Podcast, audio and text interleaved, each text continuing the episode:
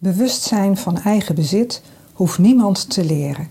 Bij een opgroeiend kind ontstaat er al een besef van mijn en dijn. Heel anders is het met ons onstoffelijk bezit, onze energielichamen. Hoe achterloos wordt daarmee omgesprongen, met alle gevolgen van dien. Welkom bij deze podcast. Mijn naam is Dorit van Stargate Lichtwerk, waar het hele van je verwonde ziel en hart en een correcte aarding in je fysieke lichaam centraal staan. Fijn dat je luistert. Alles bestaat uit energie, dus ook jij en ik. Heel simplistisch vertaald kan je deze energie, die aanwezig is in verschillende lichtlichamen, zien als je huis, je onstoffelijk huis. Een huis wat jij in de loop van je aardse incarnaties hebt opgebouwd. Deze bestaat uit verschillende frequenties, patronen, kleuren, weer vanuit diverse gedachten en emotionele structuren. Het eerste deel van dit huis, je energetisch lichaam, dat is het eerste lichtlichaam. Vast en zeker bekend bij jou onder de naam auraveld. En je aura is net als een fysiek huis.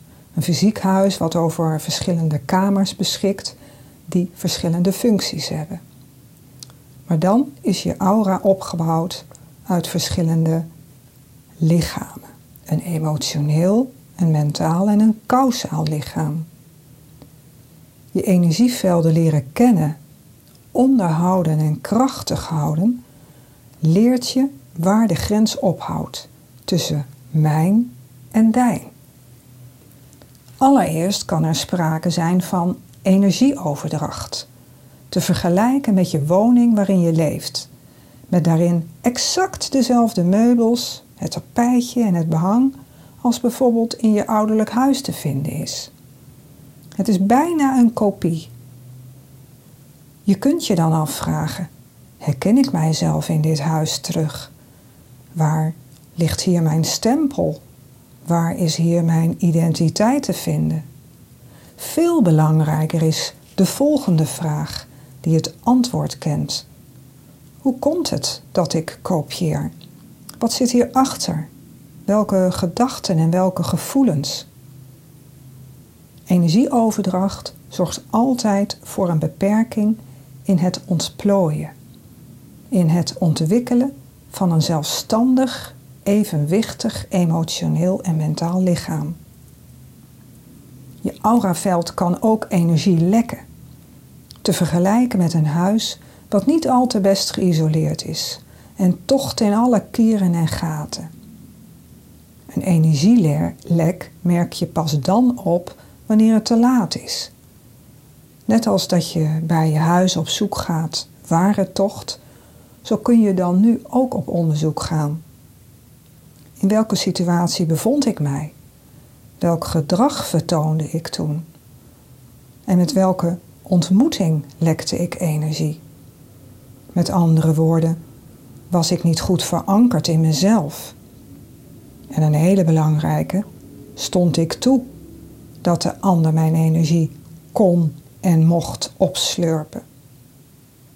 Of speelde ik voor Teresa en vergat ik gemakshalve dat het altijd aan de ander is of deze geholpen wenst te worden? Wanneer er lagere entiteiten in je aura binnensluipen of al aanwezig zijn, dan heb je dat normaliter niet in de gaten.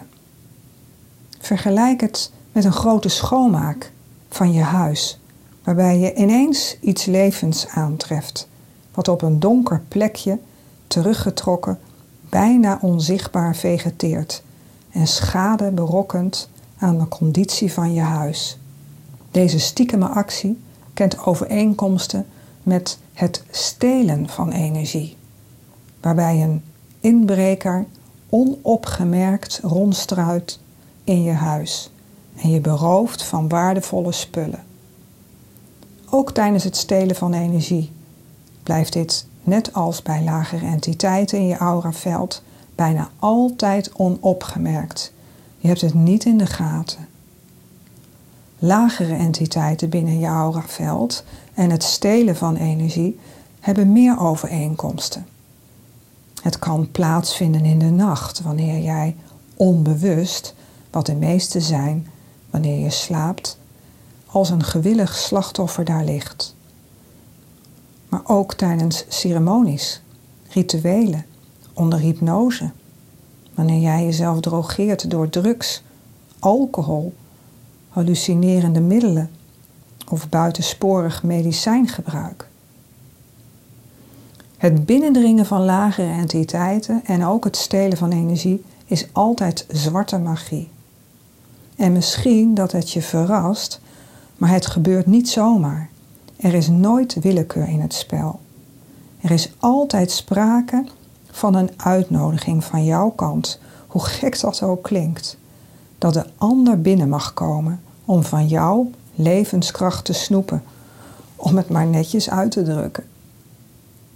Wanneer je helder van geest blijft, jezelf beschikkingsricht niet weggeeft door jezelf in iets of iemand te verliezen, je geen duistere personen of uit nieuwsgierigheid duistere praktijken opzoekt, dan heb je niets te vrezen.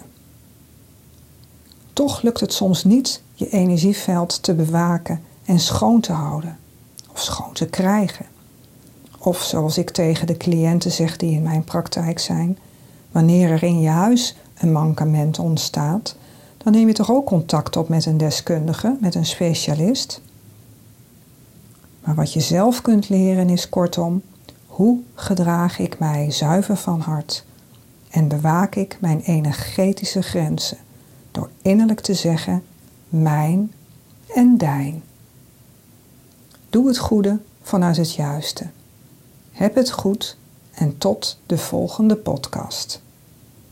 Meer weten over praktijk Stargate Lichtwerk en hoe je te bevrijden van lijden, onwetendheid en vernauwd bewustzijn en je waarheid vinden in jezelf, maar ook welke activiteiten er wanneer en voor wie georganiseerd worden.